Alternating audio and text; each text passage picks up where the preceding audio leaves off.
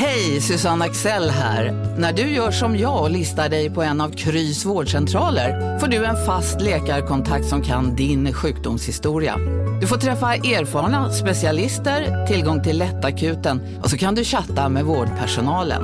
Så gör ditt viktigaste val idag, lista dig hos Kry. Det här är Sydsvenskan.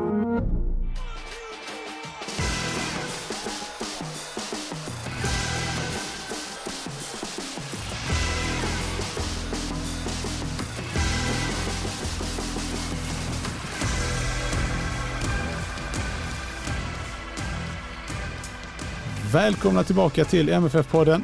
Det här är avsnitt nummer 290. Jag heter Fredrik Hedenskog. Jag har sällskap av Fredrik Lindstrand och Kent Leon Jönsson. Hej! Hej! Hej! Det var ju jäkligt länge sedan, eh, i alla fall för min del, ja, även för er del kanske. Eh, jag har haft semester, Max Wiman har bevakat EM i England och nu har ni båda semester faktiskt. Men det hindrar inte er från att delta. Absolut inte distanspodd. Så är det. Eh, har det hänt något? det kan man fråga sig. Vi har ju, eh, kan säga för transparensens skull, eh, flyttat fram det här, den här inspelningen några gånger och med facit i hand så eh, var väl det ganska bra. Um, för att annars hade vi suttit med skägget i tränarbrevlådan. Vi har ju en hel del att prata om. MFF har sparkat tränaren, de har värvat och sålt och lånat ut och vunnit och förlorat och tagit ett steg framåt och två steg tillbaka. Jag tänker att vi ska ta oss igenom MFF-sommaren i rubrikform där eh, ni får turas om att välja eh, rubrik i någon sorts viktighetsordning. Eh, det vill säga hur mycket som det som döljer sig bakom rubrikerna påverkar Malmö FF på kort eller lång sikt. Och jag tänker därför börja med att skicka över ordet till Fredrik som får inleda detta. Ja, det ska jag göra. Eh, just den rubriken var väl i och för sig inte satt, men eh, att man med för sparka tränaren då är väl den, den viktigaste rubriken. Varför det? Just för att, som du sa, kriterierna var där påverkar på lång och kort sikt. Eh, de förstås, det här målar ju liksom om kartan för säsongen på något sätt. Och, och är ju på det stora, framför allt ett, ett fiasko för klubben får man ju säga att man efter så kort tid måste sparka sin tränare. Och detta trots att resultaten på senare tid överlag ändå, i alla fall i serien, gått, gått väl. Man har ändå kunnat se, åtminstone på vissa punkter i vissa matcher, att en utveckling som går lite åt rätt håll. Man har börjat få tillbaka spelare och man har värvat lite grann som ska passa den nya tränaren och ändå då bedöma att nej, det här, det här fungerar inte längre. Eh, det, det, det, är ju, det är problematiskt på många sätt. Var det rätt beslut, tycker du, Kent? Jag tror det här med eh, uh, Salgiris matchen var ju uh, att det var ju nästan ett taktiskt haveri. Man kan väl säga liksom pardon my French, men uh, liksom de här fyra Europamatcherna såg ut som uh, skit rent ut sagt. Och det, det är liksom ingen som går sminka över. Sen kommer den här Salgiris-matchen, jag kan vara fel ute, men det kändes lite som att uh, han använde Sirius-matchen helgen innan som en testpilot. Och så skulle han spela exakt likadant mot Ja, ni såg själva matchen. Eh, de eh, cyniska, spelade tufft och stod lågt och hade eh, speed där uppe. Allt, precis allt som Sirius inte står för. Som ni, ni vet, vill ju lira upp hela vägen, spela snygg fotboll och ja, man har de? Tio billiga tapp per halvlek. Så jag, jag, tror det så, så, jag tror det var spiken i kistan. Det såg så himla illa ut så att uh, någonting var tvunget att göra. Så, och det kändes lite som att opinionen hade verkligen vänt. Men sen kan man ju fråga sig, eh, folk efterlyser en spelidé, att Milos inte har någon spelidé. Men vad är en spelidé? För mig är det ju, MFF handlar bara om att vinna matcher och sen ska man spela underhållande också, men en spelidé, vad kan det vara? Ja, det är väl att man ungefär har eh, ett grundspel att falla tillbaka på när allt går till baklås. Och det, man kände ju aldrig att Milos hade en plan B i alla fall. Tyckte inte jag. Men det, det, det, finns, eh, ska man säga, en tränarsjuka eller vad man ska säga, att, som kan finnas till viss del hos lite yngre tränare att man, har sånt, man är så taktiskt kunnig mm. på ett rent teoretiskt plan. Man, man kan jättemånga spelmodeller, man kan många spelartyper och man kan läsa av ett motstånd på ett väldigt, väldigt bra sätt. Och det blir att man, man liksom går in så hårt i det att man någonstans tappar det basala. Mm. Hur vinner vi matchen? Vad, vad, vad, för att en tränare hur mycket han än vill så kommer han aldrig stå ute på plan och kunna liksom dirigera sina pjäser som om det vore schack.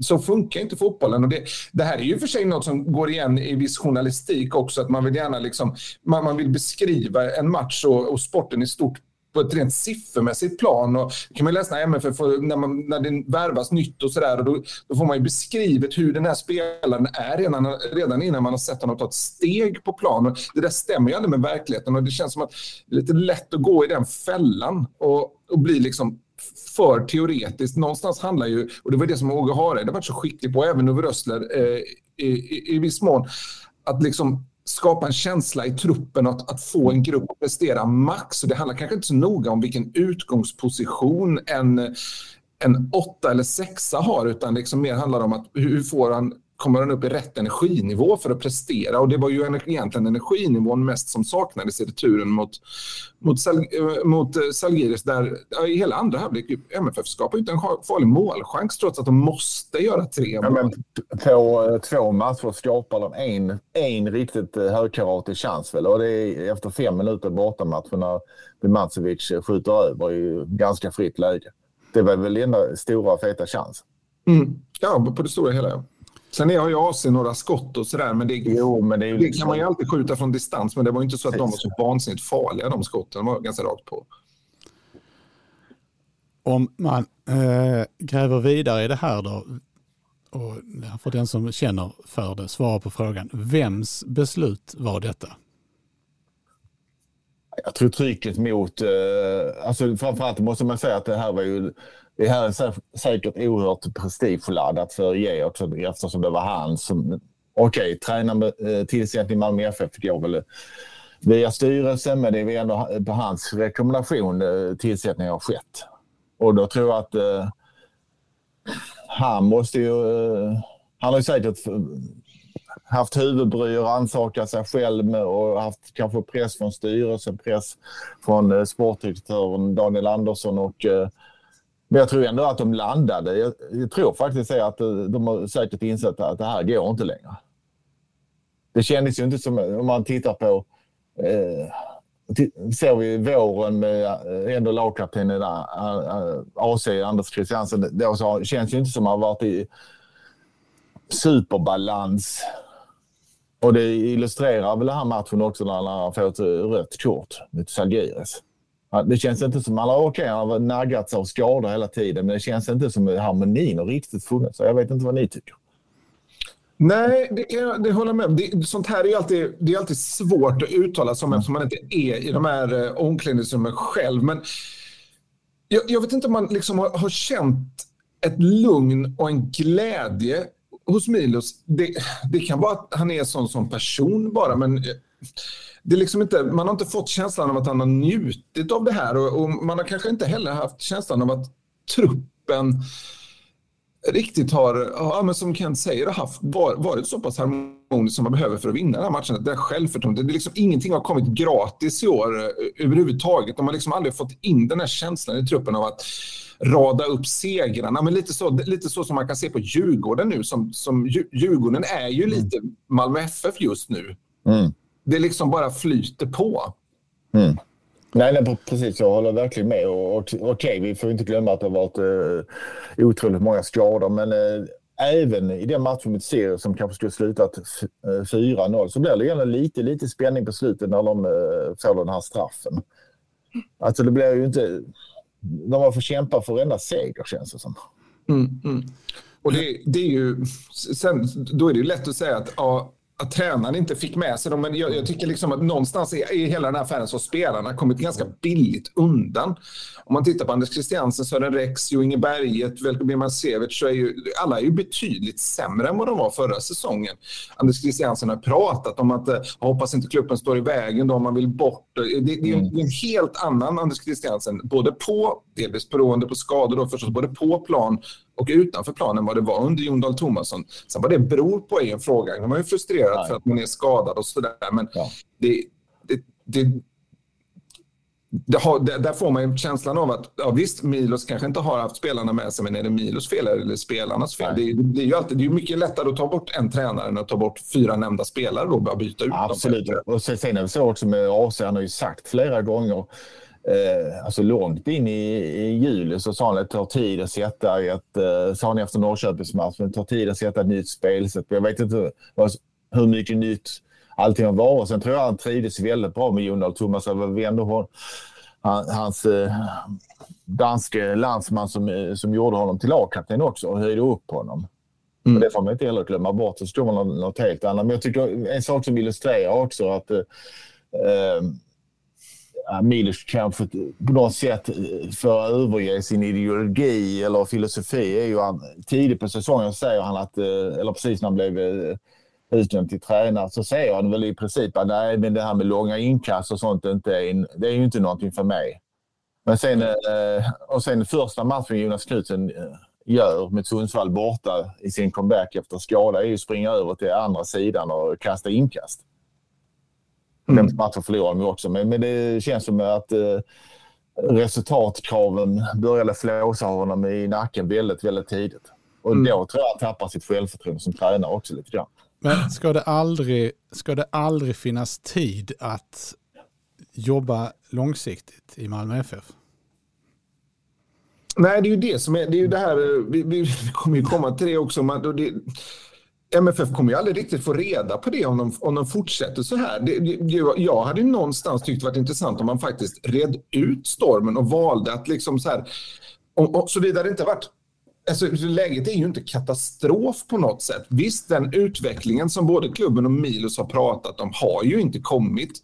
Och det har varit ett evigt pusslande med saker som inte riktigt har stämt. Liksom. Milosson, eh, man ska inte säga att han har känts desperat, men han har ju verkligen försökt letat genom olika förändringar i, i laget och, och, de har inte riktigt kommit. Men det hade varit intressant att se hur det hade sett ut nästa sommar om man liksom ridit ut den här stormen. För herregud, det är, det är tre poäng upp till serieledning och ett eh, Europa League-gruppspel inom räckhåll och kuppvinsten finns ju där, även om jag ganska, ska, ska inte säga, ska inte använda den argumentera med den på ett annat sätt än vad jag gjort tidigare. Jag har ju hela tiden hävdat att en kuppvinst kommer på inget sätt göra jobbet enklare för Milos Milojevic, så det fick jag väl någonstans rätt i här då.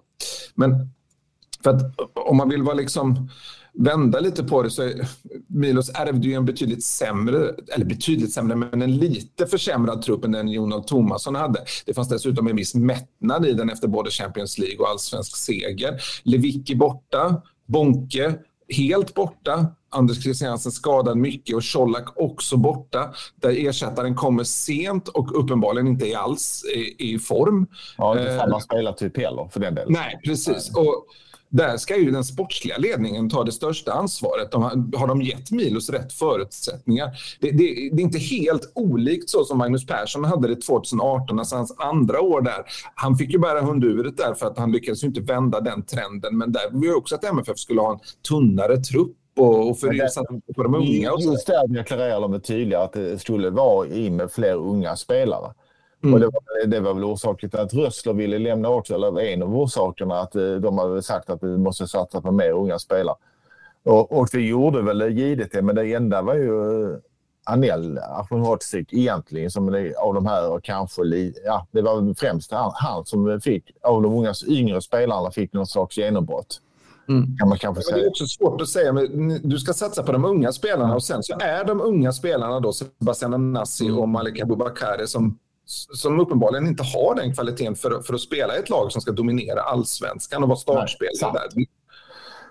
Och jag tror också jag tror att det är helt okej okay. för min del som eh, följer MFF från både lite professionellt från eh, läktarplats, eh, pressläktare och från soffan så tycker jag att visst det hade varit helt okej okay att man säger att ja, nu eh, bromsar vi in lite. Nu ska vi utveckla eh, spelet och vi ska satsa mer på unga spelare. Men då ska man ha en unga spelare att satsa på som är tillräckligt bra. Och det är väl kanske bara Hugo Larsson man har haft och kanske Patrik Segulen lite grann också. Mm. För nu har vi, de hade väl en medelålder på runt 30 i alla fall med Zagiris. Ja, och inga egenproducerade i startelvan heller. Så det, det, det, är såklart, sånt, sånt adderar ju någonting. Det, ja. det, har ju för sig lite med, det har ju lite med slumpen att göra att det blev just den matchen kanske man inte ska bra för. Sen, det blir ju också så att han har inte haft, han har inte haft lätta förutsättningar, Milos. Den skadorna har, det går, inte, det går ju inte att prata om att de inte har påverkat den här Nej. våren. Och sen så kommer ju också de här tre bortamatcher i Stockholm in och det, det, var man väldigt noga med att prata om att nej, men de, vi ska ju ändå spela de där Stockholmsmatcherna. Mm. Då kan vi lika väl ta dem nu. Men om man är i en dålig fas och så kommer först den ena Stockholmsmatchen mm. och sen kommer nästa och sen kommer en till. Då blir det ju en ond cirkel där som man inte riktigt kan bryta. Och då, då kan man säga vad man vill, men det är ju skönare att möta eh, Varberg hemma i ett sånt läge än att tvingas mm. ännu en gång åka upp till Stockholm och ställas mot Hammarby som, som liksom har, upplever någon slags ny vård då, under Cifuentes. Mm i den perioden. Sant. Ska vi gå vidare? Ska vi ta nästa Absolut. rubrik? Det är mycket ja, som hänger ihop här. Kan vi blicka lite framåt på ja. tränarfrågan också ja. kanske? Men... Ja, det kan vi göra.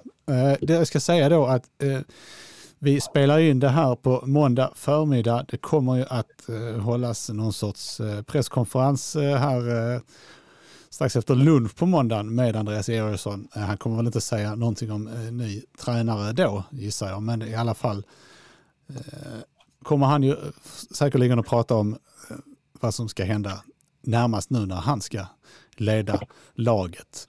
Men om, om man blickar framåt då, vad, är det, vad ser ni framför er? Alltså, um, tittar man hur MFF har löst sådana här situationer tidigare så har det ju varit uh, äldre män som kan sätta fart på laget. Precis, jag tror faktiskt att de behöver något liknande. Kanske inte äldre, men eh, någonting liknande. Jag, menar, jag tror inte man kan...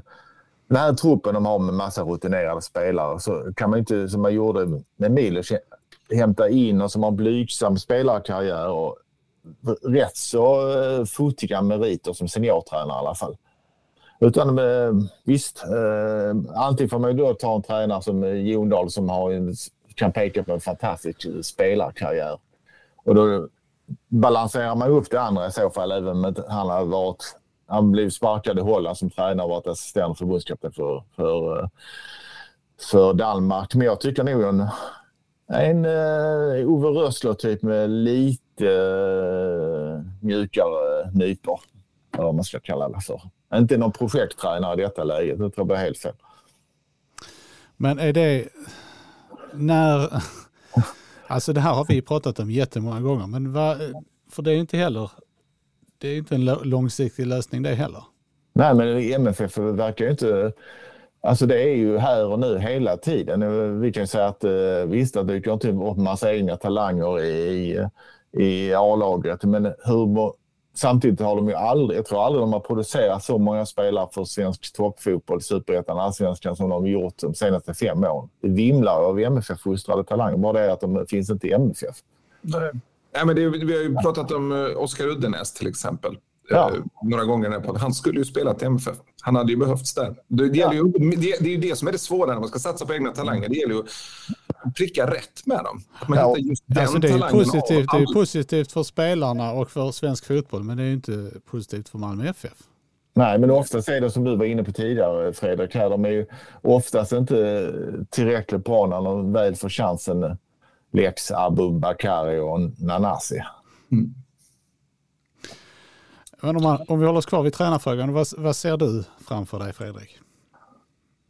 Nej, jag ser väl också, alltså egentligen man tittar på vad MFF har ju vacklat mellan de här två typerna då. Hareide, Rössler å ena sidan och så Kon, Persson, Milojevic å andra sidan. Om man, Kon kanske man ska lägga in tillsammans med Persson och Milojevic som jag upplever som betydligt mer taktiskt kunniga egentligen och även ledarskapsmässigt mm. bättre kunniga också. Sen så är ju Tomasson är väl någonstans däremellan. Mm. Eh, skulle jag säga. På, på ett sätt är ju han, var ju han väldigt rätt för MFF. Alltså tunga eh, spelarmeriter som alla, alla kan se upp till honom. De vet att han har spelat de tuffa matcherna. När han pratar inför ett Europakval mm. eh, så, så, så vet ju alla att han pratar av erfarenhet och att han har stått där i de stora och den allra största klubblagsmatchen som finns. Liksom. Så det, där kommer man ju långt och han är också in, ganska intresserad av, av unga spelare och hade bra koll på klubben och ja, men kändes supernoggrann i allt han gjorde och sådär. Sen var han ju lite, hade han ju ibland en märklig framtoning. och Jag tycker coachandet under Champions League-hösten eh, var lite märkligt, men å andra sidan så slutade ju i ett, i ett SM-guld och sådär. Så att på ett sätt var väl han perfekt, men då, då, de tränarna vill ju ofta vidare sen också. Så att det, det är ju det som är det, det problematiska för MFF. För att man kanske någonstans får bara bara, bara liksom försöka finna sig i den här verkligheten och vara redo för den. Och, och, och som tidigare har då en kontinuitet vid sidan av, alltså i styrelserummet och med, med Daniel Andersson och Andreas Seger som då försöker ha det, det tänket med där. För det är ju problem, om man vill ha en sån här processdriven tränare då så vill ju han gärna ha mer kontroll över, över, över, över liksom bara mer än den dagliga träningen. Det är också svårt och där vet man inte mycket. De andra är ju redo att släppa det för att man verkligen ska... Så Milos fick ju inte riktigt chansen att bygga sitt lag. Egentligen inte först nu förrän till sommaren då, med de här inköpen som kom där. Men... Men man brukar väl säga, men nu, alltså i Premier League brukar man väl säga att en manager ska få två transferfönster på sig. Mm. Och så fick väl Milos ett och ett halvt kan man väl säga kanske, eller vad man ska säga. Han fick ju det i vintras, men det hände det inte speciellt mycket på infronten. Ja, det var ju Thelin som kom sent, ungefär så. Men det har ju ryktats om eh, Häckens eh, norrman Högmo exempelvis. Men där kan man ju säga att Häcken eh, läcker som en såld bakåt och eh, rider väldigt högt på att de har en eh, spelare i Jeremejeff som gör mål på allt. Mm.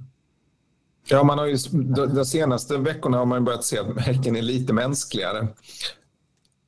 I alla fall defensivt mänskligare än vad de har varit. Absolut. Jag, jag, tror inte att de håller hela vägen. Eh, och det känns ju, det var inte Högmo gjorde inte underverk i Djurgården direkt heller när han var där. Och...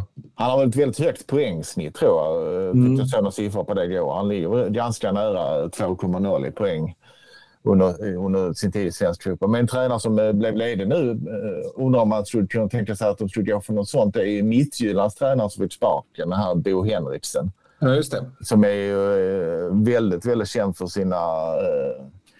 Ja, han kliver upp på barrikaden och håller flammande peptalks ungefär så. Mm. Undrar om det skulle kunna vara något. För man kommer ju vara i den kategorin. Man kommer ju få lov att ta en tränare. Om man ska ha internationell tränare kommer ju vara någon som har förlorat sitt jobb under de senaste månaderna i alla fall. Ja. Och ska, Nej, man, det... ja, ska man då gå in och ta någon tränare från allsvenskan, känns det rätt egentligen? Liksom köpa över hög. Men jag vet inte, jag tycker det känns lite tveksamt. Nej, det känns och jag tror inte heller att man gör till exempel Andreas Brännström då i Mjällby eller Poya Asbaghi som, är, mm. som är, det, det, känns inte som att MFF kommer jaga den typen av tränare heller, för då är man ju någonstans tillbaka på ruta ett. Precis, i så fall kanske Brännström som är, känns ändå mer pragmatisk på något sätt. Som rättar sig lite efter spelarmaterialet och verkar kunna organisera ett lag väldigt bra, som i Mjällbys fall. Men annars mm. så har Mjällby kanske en väldigt bra grund att stå på, för de har ju sett välorganiserade ut med mm. vilken tränare som helst. Ja, men det, det är just det som, om MFF skulle då ta Brännström, men då får de ju, då får de ju då får de någonstans slå fast att nu ger vi honom till 2023. Mm. Men det känns som att efter ett tag så blir det alltid att man får lite det intrycket att styrelsen gillar en rösslerman mm. liksom, som kan dra stories från kontinenten och liksom mm. peka med hela handen och nu ska vi fixa det här. Mm. Och, istället för att någon som pratar löpvägar och vad det kan vara. Nej, nej. Och det, det, liksom- men precis, Rössler eller ännu hellre kanske en Harede typ. Ja. Naturligtvis. Ja, eh, fortsättning lär följa där. Ska vi gå vidare nu? Är ni redo yes. för det? Yes, yes. Då kan du få ta eh, nästa överskrift, Kent.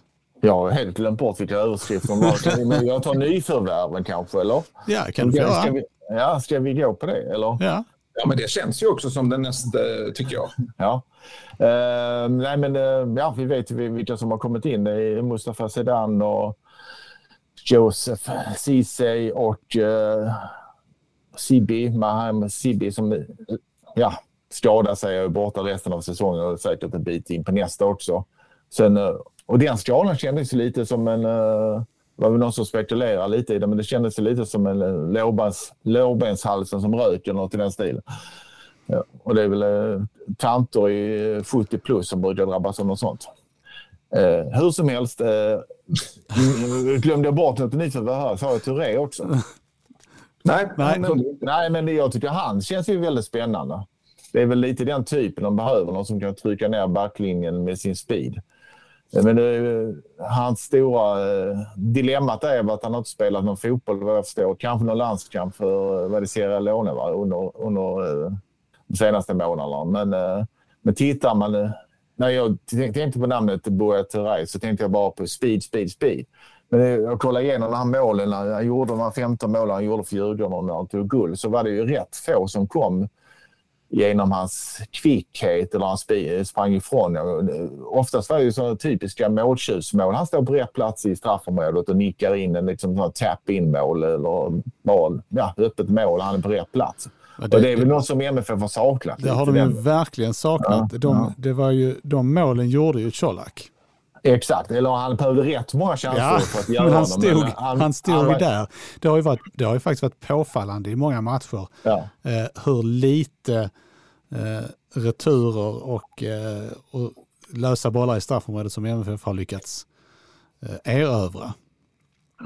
Jag skulle ju säga Colak när det gäller löpa rätt och hamna rätt i straffområdet så var han nu, eller är han på nog ganska hög internationell nivå. Men sen har han inte riktigt verktygslådan för att omsätta allt i mål.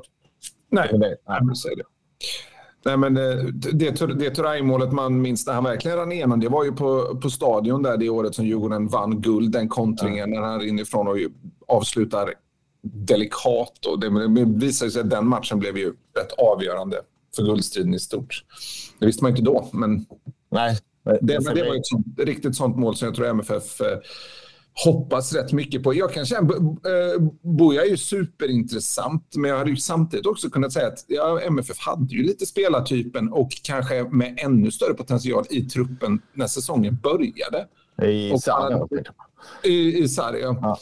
Eh, men man valde ju att sälja honom och det känns som att eh, där är också den sportsliga ledningen, tror jag det underskattade lite betydelsen den affären skulle få för, för våren i stort och, och eh, hur anfallsspelet kunde ta form för säsongen. Det har ju faktiskt kostat ganska mycket. Mm.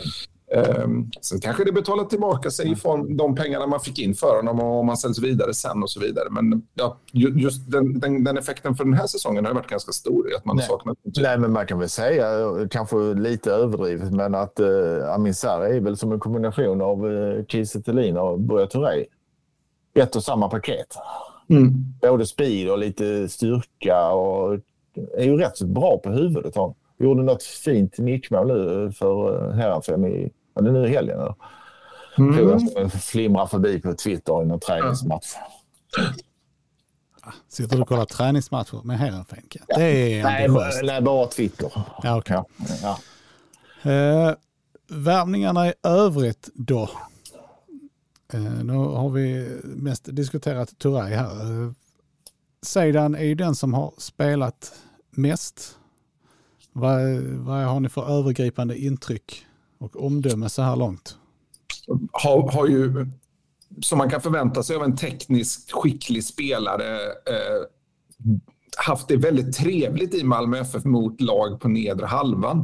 Eh, det har sett jätte, jättebra ut, men eh, där har man fått utrymme att, att göra sina saker. När, när försvaret har varit mer välorganiserat som i Europa så kanske inte sett lika, har inte gått lika enkelt. Det är en sak att dominera på det viset mot, mot Sirius, ett motstånd som han ju känner mer än väl då efter, sina, efter sin tid i klubben, men och, där man också ja, inte har den här råbarkade typen av försvarare som är...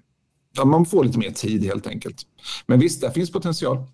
Mm, mm, absolut, jag håller med. Fin vänsterfot och han verkar ju också vara sugen på att ta det här steget. Han är äregirig och hungrig och det tycker jag det är, i dessa sammanhang så är det utmärkta egenskaper. Att man vill vidare på något sätt. Det tycker jag eh, alltså det är lätt att förtrollas av eh, Joseph Ceesay när man ser honom mot Norrköping borta när han får löpa på en fri yta och är väldigt snabb. Men eh, jag tyckte även, jag ska inte framstå som någon liksom, som har tittat i någon kaffesump eller någon fjärrskådare, men jag tyckte när man såg honom i i HF när han var ju där en liten sväng, då såg man att han hade en potential i sin snabbhet. Han är rätt stor också, eller har ju lite fysisk styrka. Mm. Ja, jag tycker han också ser rätt spännande ut. Också en typ som de har saknat lite grann. Mm. Men sen ser man ju när han kommer på vänsterkanten, han är inte lika bra där som han var på högerkanten naturligtvis. Ser betydligt trubbigare ut där. Ja, men generellt sett så, det, det, första man tänker på när man, ser, när man hör de fyra namnen ihop är väl kanske sådär, ja, man kanske tänkte att MFF skulle värva lite mer flärdfullt då. Jag menar, Berisha gick ju till Hammarby istället. Det hade väl kanske varit mer av en så ja. håll käften-värvning så att ja. säga. Men, men jag, det, för, för den sakens skull så behöver inte de här värvningarna på något sätt vara sämre. Jag tror att det, kan vara, det finns liksom en potential i, i de här eh, namnen där Siby kanske sticker ut lite grann för för sina egenskaper, väldigt lång och, och, och liksom fysisk, fysisk eh, stark, rejäl, men även snabb, tekniskt skicklig och, och så vidare. Där, liksom en sån juvel som man har hittat som är lite bortglömd och sådär. Där MFF ändå har gjort, har scoutat bra tidigare på, på den typen av spelare. Så Men, ja, det hade varit ja. väldigt intressant att se honom eh, över tid. Eh, nu, mm. nu var det ju eh, två matcher på konstgräs vilket ju uppenbarligen inte var hans. Vi är specialister på det vi gör, precis som du. Därför försäkrar vi på Swedea bara småföretag, som ditt. För oss är små företag alltid större än stora och vår företagsförsäkring anpassar sig helt efter firmans förutsättningar. Gå in på swedea.se företag och jämför själv. Hej, Synoptik här. Hos oss får du hjälp med att ta hand om din ögonhälsa. Med vår synundersökning kan vi upptäcka både synförändringar och tecken på vanliga ögonsjukdomar. Boka tid på synoptik.se. Likör och något som man förmodligen inte har praktiserat särskilt mycket heller. Och sen så var det då eh, 20 minuter drygt eh, mot Sirius. Mm. Precis. Och då såg han ju bättre ut i de 20 minuterna mot Sirius och, än han gjorde i de här två matcherna på konstgräs. Naturligtvis. Mm. Men eh, klart han har en väldigt tung kropp också så man eh, känner att det var ju 90 eh, kilo, ja, kanske inte riktigt, men 85 eh, som landar på ett ben där när han eh, skadar sig på något sätt. Mm. Mm. Ja, men just tycker jag väl egentligen Sibi och Turay kan man tycka, tycker jag, det är ju två värvningar som skulle varit på plats eh, redan i vintras. Men eh, för Sibi känns ju extremt viktigt eftersom Rakip har en hög nivå men, men han, kan, han har ju visat att han är inte riktigt den här trygga handen att hålla i när, när det blåser Nej. riktigt hårt som det gjorde här i våras. Då har inte han den nivån att liksom diktera tempot i matchen på samma sätt som, som liksom, ja, men Bashirou hade till exempel förut. Sant. Vill ni ta en annan, eller ska jag läsa en rubrik och så får ni prata istället? Gör det. Kör. Trevligt. Mm. Eh, då eh, har vi ju, eh, allting hänger ju såklart i det här läget ganska intimt ihop med eh, tränarfrågan, men ändå. Eh, MFF får fortsätta jakten på en plats i Europa. Nu väntar alltså eh, då laget med tre namn, beroende på vilket språk man talar. de har ju i eh, Europasammanhang alltid tidigare hetat Dudlange, men de, eh, på luxemburgska så heter de ju Dideling och på tyska heter de Dydelingen, tror jag. Eller orten heter så på tyska. Ja. Eh, så att vi får väl se var vi, var vi hamnar där. Ehm, ni får säga vilket ni vill. Uh, ja, precis. Uh, Men det är ju liksom, jämför man med Viking och Salgiris så är det ju ändå en klubb som har uppnått saker och ting i Europa. Men de har varit i två gruppspelare ja. ganska nyligen, ja. va? Stämmer va? Uh, nej, men det är i läget MFF är nu, menar med Georgsson som en trolig interimtränare även på torsdag blir det va? Uh, man vet inte alls vad man kan förvänta sig av den matchen. Men eh, det hade ju... verkligen, om vi pratar om ett steg fram eh, och två tillbaka. Efter, med tanke på Sagiris så måste man ju säga att eh, skulle de förlora även där och inte ens nå playoff i Europa League med den här lottningen så är det ju ett enormt setback för, för hela klubben. Nu får man ju verkligen börja och göra en lång utvärdering och grundlig sådan. Mm. Ja, då är, har man lite kastat bort en ypperlig chans. Liksom. Ja. speciellt också när, när det är faktiskt så att, är så att man riskerar att missa Europakval helt nästa säsong. Alltså det, är ju, det är ju, kommer ju bli ett ruskigt race i allsvenskan i höst. Och det, hittills är det ju ingenting som talar för att Malmö FF ska ses som någon slags favorit om man sett till de matcherna som har spelats. Nej, men jag tror... Det känns ju att Djurgården är starka. Sen är det ganska jämnt skägg mellan de andra utmanarna just nu i alla fall. Mm. Mm. Men, eh, nej, men eh, andra sidan så kanske det kommer en sån insats nu på torsdag mot eh, Dudlange. Eller hur ska jag säga? Eh, det kallas för F91. Precis. Eh, det luxemburgska laget. Eh, ja. Annars tycker jag luxemburgska som språk verkar ganska intressant. Som, det känns som en blandning mellan tyska och franska på något sätt. Eh, men eh, det, vi kanske får den här eh, enorma urladdningen. Vem vet? Men eh, sett hur det har sett ut tidigare i Europa så kan man väl förvänta sig kanske vinner med 1-0 kanske det till och med är bra. För AC måste ju vara avstängd naturligtvis. Ja. Mm. Mm. Det måste han ju vara. Ja. Och så vet jag inte Buya Touré i speldugligt skick. Kanske som en Georg. i alla fall. Förlåt? Han är, han är ju rent till, tillgänglig rent så han får spela. Liksom. Ja, han och Ceesay måste ju anmälas ju nu. Mm, mm. Ja, MFF har ju haft, eh, det, det var ju kanske, ja, nu kommer ju förlusten och uttåget eh, mot Salgiris, kom ju, det, det var inget planerat, men ett kanske lite en lycklig slump då i sammanhanget att det inte är något spel. För det, den, den här omgången som matchen mot AIK skulle spelas var ju denna helgen nu då. Den mm. flyttades ju till i våras då, den här bortamatchen på Friends. Så det är kanske ganska skönt för Andreas Erosson att inte börja med, med den matchen bara några dagar efter att Milos fått gå då. Nej, det har varit ganska tufft, det tror jag. Mm, nu har de till torsdag på sig där då, den fjärde. Precis. Uh, och sen väntar väl en, uh, alltså skulle de vinna den här eh, omgången så har de ändå hyfsat eh, alltså, överkomligt motstånd om ett MFF i normalskick i Europa för att vara playoff i alla fall. Mm. Mm. Det är väl den danska uppstickaren Silkeborg som man kan få möta exempelvis. Just det, som för övrigt har en tränare som heter Kent Nielsen som väl också har, skulle kanske kunna funka i, i ett Malmö FF. Han är för sig 60 år men uh, har gjort det väldigt bra där. Precis, men det är liksom, då kommer vi in på det uh, gamla gubbar som lyckas i MFF. Ungefär så. Ja, exakt, exakt. Ett oerhört starkt eh, tränarnamn också, alltså rent förnamnsmässigt tänker jag. Exakt, så är det. Nej, men det, det, det, det, är ju liksom inte så att uh, F91, då, som jag väljer att kalla dem från men nu, är väl egentligen inte sämre än, än vad Salgiris är. Så att det, det kommer ju krävas att Malmö FF höjer sig rätt ordentligt och ganska många av spelarna får ju visa nu då att att det, det, var liksom ledarskapet som inte var stämde och det, det gick inte att få ihop det på rätt sätt. Nu det är ju lite upp till bevis och det, det blir det svåra är ju nu för MFF. Om det, inte heller det lyckas, vad händer då? Nej, precis. Och vi får inte glömma bort att, att de har säkert lyssnat in.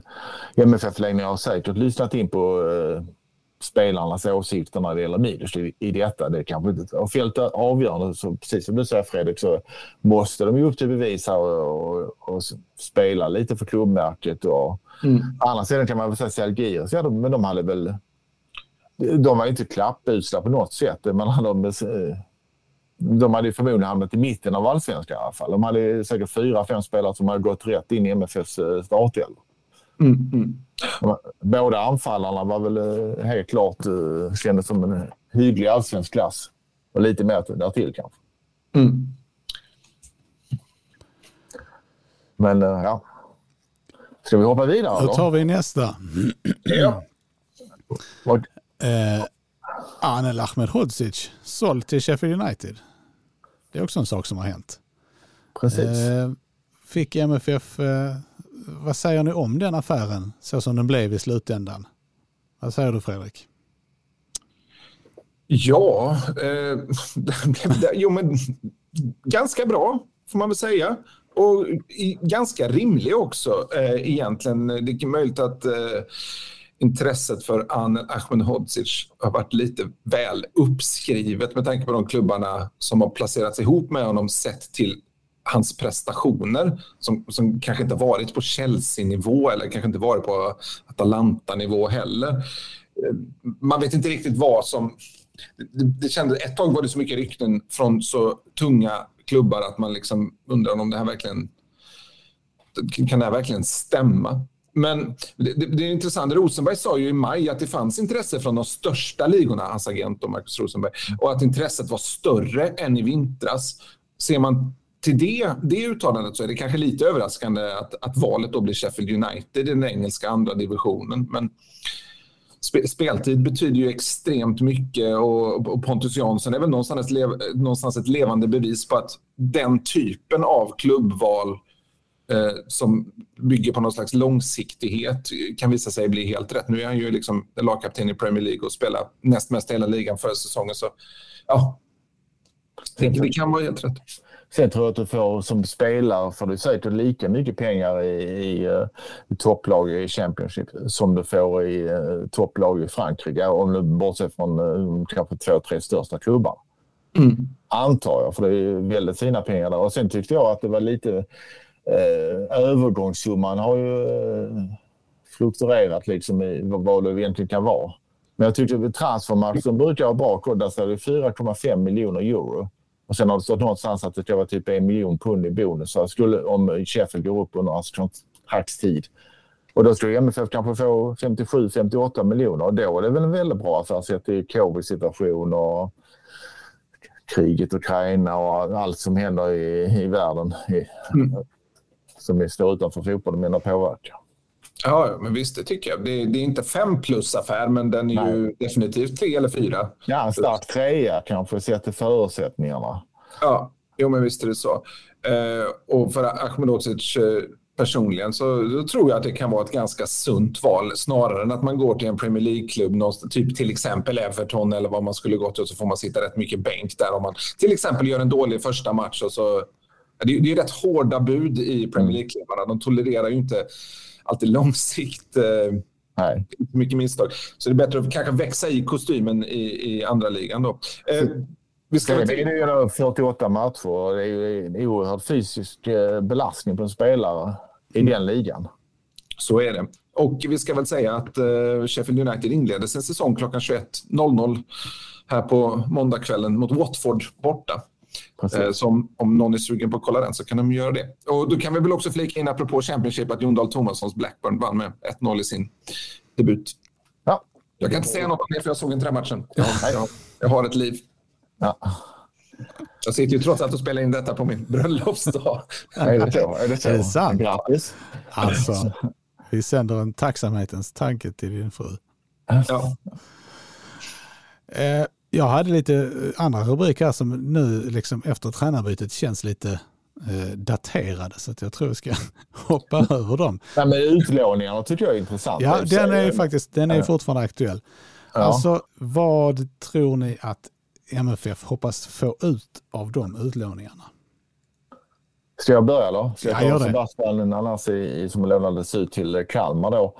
Eh, men jag tror väl lite så att eh, Alltså, rent generellt så tror jag att ska man ha den spelstilen som han har så måste man kanske, då måste man naturligtvis bli 20-25 bättre, procent bättre i allt man gör. Men jag tror han är, han är duktig på små ytor, kan ju kombinera väggar, bla bla bla. Men eh, det händer ju rätt lite.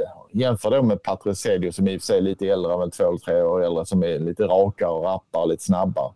Men jag tror att vad som behöver utvecklas är ju Nanassis spel utan boll, tror jag duellspel lite grann och pressspel och allt det där. Men det, det är tveksamt om man kanske får det i, eh, i Kalmar. Nu får han spela det spelet som han vill spela. Och det är kanske roligt för honom, men jag vet, vet inte, är inte helt säker på att det gör honom till en bättre spelare för MFF. Uh, eh, nu kanske det, låtit korka. Man kanske skulle lånas ut till Varberg igen. Men då har han blivit utbytt efter 35 minuter för han har på lite. alltså den, den blev inte så mycket speltid under den utlåningen. Det Nej, det blev inte det. Han var ju helt fel eh, man för det laget så att ja. säga. Men om ni förstår lite vad jag tänker. Liksom. Jag tror att den, han måste bli bättre på det han är bra på. Men också för det här för att spela ett topplag i allsvenskan så måste man ju ändå stå för något annat om man inte är på en väldigt, väldigt hög, eh, måste jag säga, playmaker-nivå. Mm. Nej, men det är ju som om man tittar på AC då, som, är, som ju någonstans är väl den förebilden för alla de här, Zeidan och Nanasi. Det är väl det är någonstans honom de vill ersätta på sikt. Mm. Då, då, AC har ju dels det tekniska, men han har ju också ett oerhört hård arbetsmoral och är bra i duellspelet. Han är ju mm. liksom ett paket så att säga. Han är inte bara bra på instick och skott och, och, och passningar och crossbollar vad det kan vara liksom, utan även det fysiska. Då. Så jag håller med dig. Jag, jag tror båda kommer lyfta av sina utlåningar då, HJK för Abubakari och Kalmar för Nanase, men jag, jag har ju svårt att se att någon av dem ska komma tillbaka på någon slags Rosenberg från Halmstad 2004-vis. Nej. Eh, jag, jag, jag, jag, om man liksom då får sammanfatta det hela så har jag svårt att se att någon av dem skulle gå in och ta en startplats i Malmö FF till nästa säsong och vara helt ordinarie i ett ja. lag som dominerar allsvenskan. Det, det kan jag inte riktigt se. Men, men blir gärna motbevisad där. Men Abubakar är ju ett mysterium tycker jag. Man ser ett råämne i honom men samtidigt så är det ju Alltså de här målen han har gjort, det här när han trycker in bollen, vem det nu var, mot, eh, med fötterna. Och sen har han gjort två, två väldigt fina nickmål och en briljant framspelning till Berget i eh, var det Kalmar borta när de uh, säkrade guldet. Eller princip säkrade guldet. Eller, mm, ja, näst sista omgången. Precis. Uh, där har han sett jättefin ut, men sen är det ju, liksom, tycker jag, rätt mycket som mer påminner om division 1 än om allsvenskan om man ska vara hård. Han, han är, det är mycket som behöver slipas på. Jag är kanske lite rädd att han är, är lite för gammal. För att, ja, han känns ju som en, en, spelare som är... Han är ju liksom väldigt bra att ha eh, om man behöver jaga mål sista 10-15, men inte, inte, det har man ju inte råd med till det priset. Nej, lite så faktiskt. Och sen tycker jag att saknar lite, ja, den typen av spelare vill man kanske se ännu lite snabbare kanske, jag vet inte. Lite så. Mm. Ja, vi får se. Det är, de, det är mycket möjligt att Abubakari kommer tillbaka i, i januari och blir såld till en holländsk klubb för 25 miljoner precis som Sarr. Men visst ser man en annan potential i Sarr, gör man inte det? Han har ju ändå bevisat i, i Mjällby att han är en väldigt duktig spelare och bevisat mm. en hel del i Holland. Eh, det, det är två nivåer till känns det som. Exakt. En annan rubrik som jag hade skrivit var att MFF har börjat göra fler mål. Um, då får man ju räkna bort Salgiris-matcherna från den punkten. Ja, för jag hade en, följd, en, en, en, fråga på det också. Men gör de tillräckligt med mål? Nej, det tycker jag inte. Jag tycker fortfarande de missar väldigt mycket. Och de har ju, det handlar en sak om att göra mycket mål, men de, den, den enda matchen som de egentligen har dödat är ju Varberg. Ja. Och... Mm. Eh, ja, eller ja, kan man säga att de dödar den? den det, det är 64 minuten gör de 2-0 då liksom. Och sen trean kommer alldeles innan slutet. Så det ju de har ju fortfarande inte gjort mer än tre mål i en enda match den här säsongen. Det är ju Nej. lite anmärkningsvärt ändå kan jag tycka. det kanske beror lite också på det här att eh, AC som är en poängspelare har ju varit skadad. Så Rex är också en eh, väldigt bra poängspelare under sin tid i MFF. Ja, Göteborg också för den delen. Men eh, som gjorde ju lite poäng från utifrån så att säga och var bra på att komma in i straffen. Men om tittar man på eh, Bibancevic så har han ju hur många chanser har han missat den här säsongen? Det känns som att han... En orimlig utdelning har ju inte varit... Eh, sju, åtta mål han lätt kunnat göra. har vi gjort mm. typ tre eller något i den stilen. Och det gör ju skillnad naturligtvis. Mm. Och sen kan man väl förutsätta eller anta att det kanske blir bättre med Buya Touré och Kiese Thelin har ju också naggats av småskador och sjukdomar och allt vad det varit. Han har inte hittat sin eh, toppform precis. Det kan man inte påstå. Nej. Och han Nej. är god för 12-13 mål i allsvenskan och mer därtill. Mm. Nej, precis. Det är ju lite, det är liksom lite ödets ironi att det är två ratade spelare, två tidigare ratade MFF-spelare som håller till i, i toppen av allsvenskan. Då, Marcus Antonsson och eh, Alexander Jeremejeff. Även om Antonsson eh, steg i, i, i aktning hos MFF-supportrarna efter sina två mål mot Hammarby. Och... Jag vet ju Antonsson är en gammal favorit för dig Fredrik. Men, äh, ja, jag har hela tiden sagt att det här, det här har han i sig. Precis. Men sen får man inte glömma bort uh, hans säsong i Halmstad. var väl inte så jättelysande. Men han har ju sett fantastiskt bra ut i, uh, nu i Värnamo. Men, uh, men de är ett bra kontringslag, Värnamo. Det måste man ju säga. Och han, de, han, det sista målet han gjorde mot Hammarby igår, det är inte i närheten att en spelare med lite dåligt självförtroende sätter det. Nej, men, och egentligen inte första heller och hitta den tajmingen i avslutet. Härligt att vi fick hylla honom lite. Precis. Men däremot så, med det sagt så vill jag väl ändå påstå att han passar bättre ett lag som gör på kontring. Mm. Ja, men så är det förstås. Ja. Och det, var ju, det, alltså det målet han gör, eh, 1-0 målet mot Hammarby, är ju inte väldigt olikt det målet han gör i Istanbul mot Besiktas. Och där, där spelar ju MFF lite samma spel på något ja. sätt. Eh, men just eh, med Isak Estelin är en liten gåta, tycker jag, att han inte har fått ut mer av sitt spel och att han är, kommer liksom lite skadad och sådär. Men jag skrev inför säsongen att han är, att han är klass i allsvenskan, det går inte att diskutera liksom. Men är han en spelare som gör Malmö FF bättre i Europa jämfört med Colak? Och det, det tycker jag, var, tycker jag ändå att jag har fått rätt i. Det. Jag ser, ser liksom inte alls att MFFs spel, anfallsspel i Europa har blivit bättre till den här säsongen. Och det, det är ju en missräkning. Liksom. Och jag tycker inte den kan förklaras enbart med att Milos Milojevic taktiska misslyckanden. Liksom. Jag tror inte att det har funnits person, spelare att tillgå liksom, för att spela ett bättre anfallsspel. Nej, det kan vara så. Sen gjorde väl Colak äh, även Velko då Eh, sina bästa matcher under säsongen kanske mot, mot, uh, mot Rangers. Gjorde de inte det i alla fall? Jag menar Colaks bortamatch där var ju 10 av 10. Nej, men det, är det, är till sig det är det som ofta skiljer de bättre spelarna. Att det, är ju liksom Colak, det är bättre att han är bäst mot Rangers borta än att han är som Isak Estelin. Det var ju fantastiskt bra. Hans derby mot HIF var ju, det var ju riktigt mm. bra. Men kanske mm. hade betytt mer i förlängningen om han hade varit så pass bra mot Salgeris hemma istället. Ja, en annan sak som eh, jag har skrivit ner här eh, som rubrik är ju, eller rubrik och rubrik, men det är ju det faktum att försvarsspelet eh, under sommaren stundtals har sett riktigt svajigt ut. Och det var ju det, var ju det som, som kännetecknade, eller motsatsen var det som kännetecknade MFF under, under eh, Miljevics första tid, att försvarsspelet var oerhört stabilt. Um, jag är lite nyfiken på att höra vad ni tror om detta. Vad säger du Fredrik? Har det varit var det liksom skadorna som kom ikapp? Har det varit för mycket? Eller rättare sagt, när skadorna inte längre fanns så har det blivit många fler eh, kockar i försvarssoppan. kan man säga ja, så?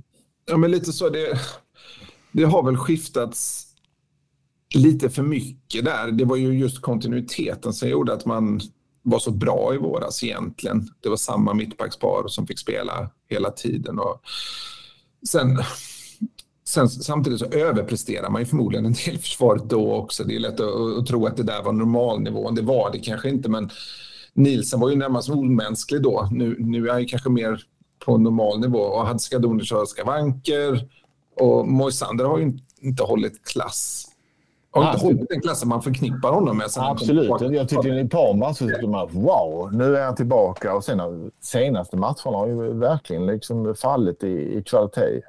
Ja, och det är ju lite alltid risken när en, när en så gammal spelare drar på sig en skada som håller honom borta en längre tid, att startsträckan därefter blir väldigt, ja. väldigt lång.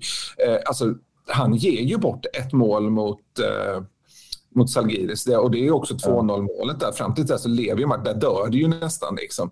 Och det, det, är ett obegripligt misstag egentligen. Mm, mm, av den typen av rutinerade spelare. Men så tycker jag det här med skador och startsträcka, det måste man väl säga ta in i beräkningarna när det gäller Knutsen också som eh, han såg väldigt trög ut mot Salgiris. Ja, det är löpduellen där med eh, I sig, det var väl Lasse Nilsson som lite fibblade innan, men löpduellen mm. där och sen även hur många inlägg slog han i den matchen? Det var inte många. Han kom inte, vågade liksom inte överlappa. Han kom ju någon gång till straffområdets Alltså hörnan och straffområdet, man drar en rak linje ut. Ett par gånger, men han var, jag fattar inte att de inte spelar med Martin Olsson i den matchen, exempelvis. Hade ju i alla fall fått kommit upp på kanterna ett par gånger. Nej, det är historia nu. Men, men, uh, mm. men sen får vi inte glömma att de släpper fyra mål med Djurgården borta också. Men då har de ett rent B-lag. Det drar ju ner det här. Har de 13 insläppta på 16. Något i den stilen. Men sen har det sett ut som, alltså även med islänningar ser det ut som rena hönsgården i försvaret. Ja, det är kanske framförallt de matcherna man har på näthinnan. Eh, där, där kändes det ju som att om de var Eh, man tyckte att det saknades, saknades inställning mot Salgiris så kändes det som att det gjorde verkligen det mot Vikingar. Där kändes det som att de var inte alls förberedda på, på vilket arbete som motståndarna var beredda att lägga ner. Nej, tror, känns det inte som, som båda de här matcherna känns det inte som att de har gjort hemläxan. Tycker jag rent uh, taktiskt. Fast det borde vara Milos starka sida, framförallt mot islänningar. Eller, eller att han kanske visste allt men lyckas inte förmedla det till spelarna. Mm. Ja, men det, är, det är ju det som är det svåra. Det, var, var, var ju, det är väl någon slags hönan och ägget situation. Är det liksom tränaren som inte förmedlar till spelarna? Men hur mycket taktiskt måste han förmedla? Hur, hur, mycket, hur mycket energi ska MFF lägga ner på hur Vikingur spelar egentligen? Eller hur mycket ska man fokusera på enbart den egna prestationen? Ja, att det såg ut så som det gjorde redan i den första rundan, det, där tycker jag spelarna som ändå har, mm. har, spelat den här typen av matcher i flera år nu mm. ska ju vara bättre förberedda och vet ju vad som krävs för att komma upp i rätt nivå. De vet ungefär hur den typen av lag spelar. Det har inte varit någon jättestor skillnad på Riga och Viking och, mm. och, så har spelat om man går tillbaka några år. Det, det, handlar om vad krävs för att ta sig vidare från den rundan och där tog ju MFF ett steg tillbaka i år. Mm. Och jag tycker att det handlar ganska mycket om att spelarna ska rannsaka sig själva där. Mm. Mm. Nej, det handlar väl liksom vem man än möter. Om man inte är ett to definitivt topplag i Europa så får man ändå lägga ner lika många löpmeter som motståndarna gjorde. Och det gjorde de definitivt inte med islänningarna. Salgiris spelar en annan typ av fotboll naturligtvis. Men, eh, men äh, islänningarna körde ju fullplanspress stundtals. Ja, på konstgräs dessutom.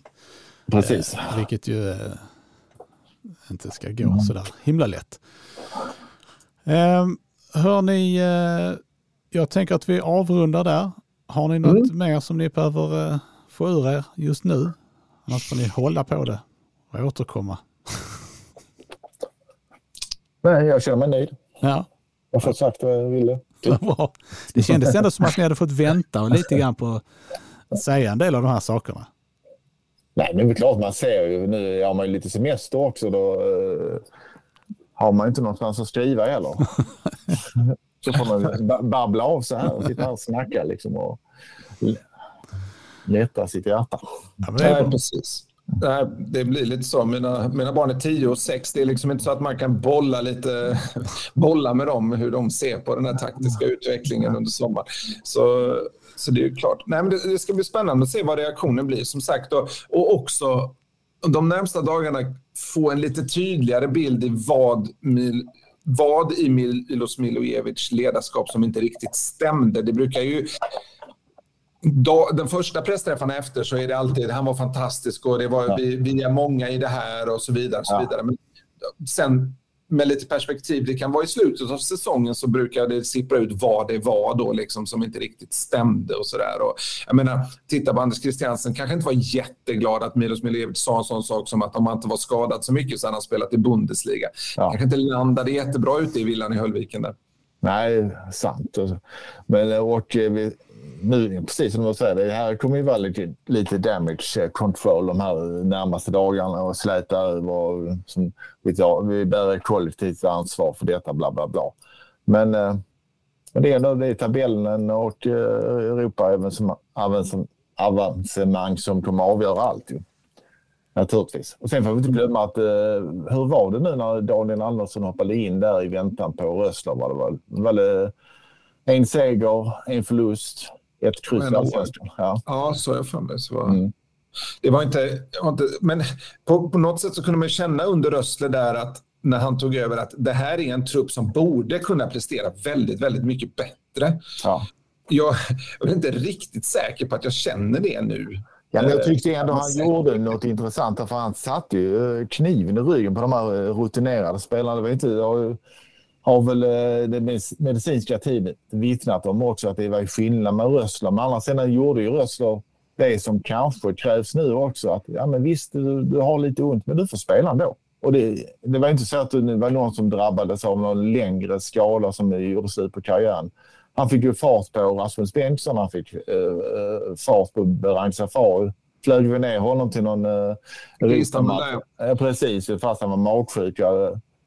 Pro problemet är väl bara att de här spelarna som ska få den här kniven i ryggen just nu är ytterligare några år äldre i snitt. Så, så... är det naturligtvis. Så är det. Men i och för sig, Berang och Rasmus var väl rätt så gamla.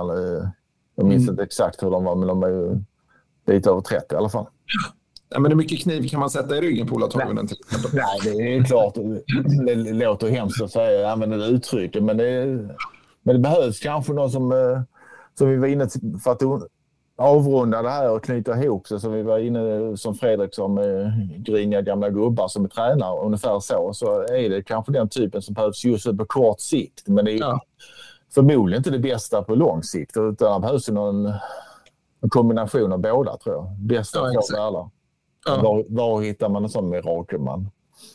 Ja, eller så kör man bara det här måndag hela veckan så som MFF har hållit på de senaste säsongerna. Liksom. Att man, man satsar ja. ungt och fräscht och sen så blir det en eh, grinig gammal gubbe senare på sommaren där och så kör man på det ett tag och så ja, ja. återupprepar sig. Men vem vet, Milokär kanske varit perfekt som assisterande tränare.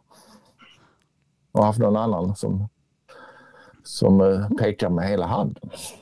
Mm. Den frågan får vi i alla fall inte besvarad just nu. Det är kanske en fråga för framtiden, även om inte det känns väldigt så himla sannolikt just för Malmö FFs del. Eh, vi återkommer med ett betydligt kortare intervall nästa gång. Det här har varit avsnitt nummer 290 av MFF-podden där vi anser att konstgräs ska förbjudas i svensk elitfotboll och i Europaspel. Eh, jag heter Fredrik Hedenskog, jag har haft sällskap av Fredrik Lindstrand och Kent Leon Jönsson och ansvarig utgivare är Jonas Kanje. Tack för oss, hej hej!